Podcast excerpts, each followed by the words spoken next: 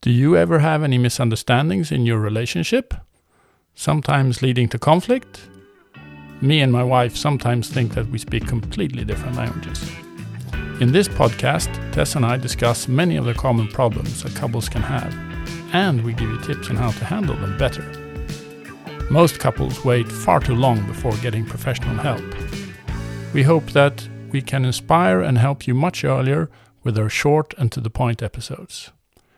So why don't you give our snippets a chance? It might be the best thing you ever did for your relationship.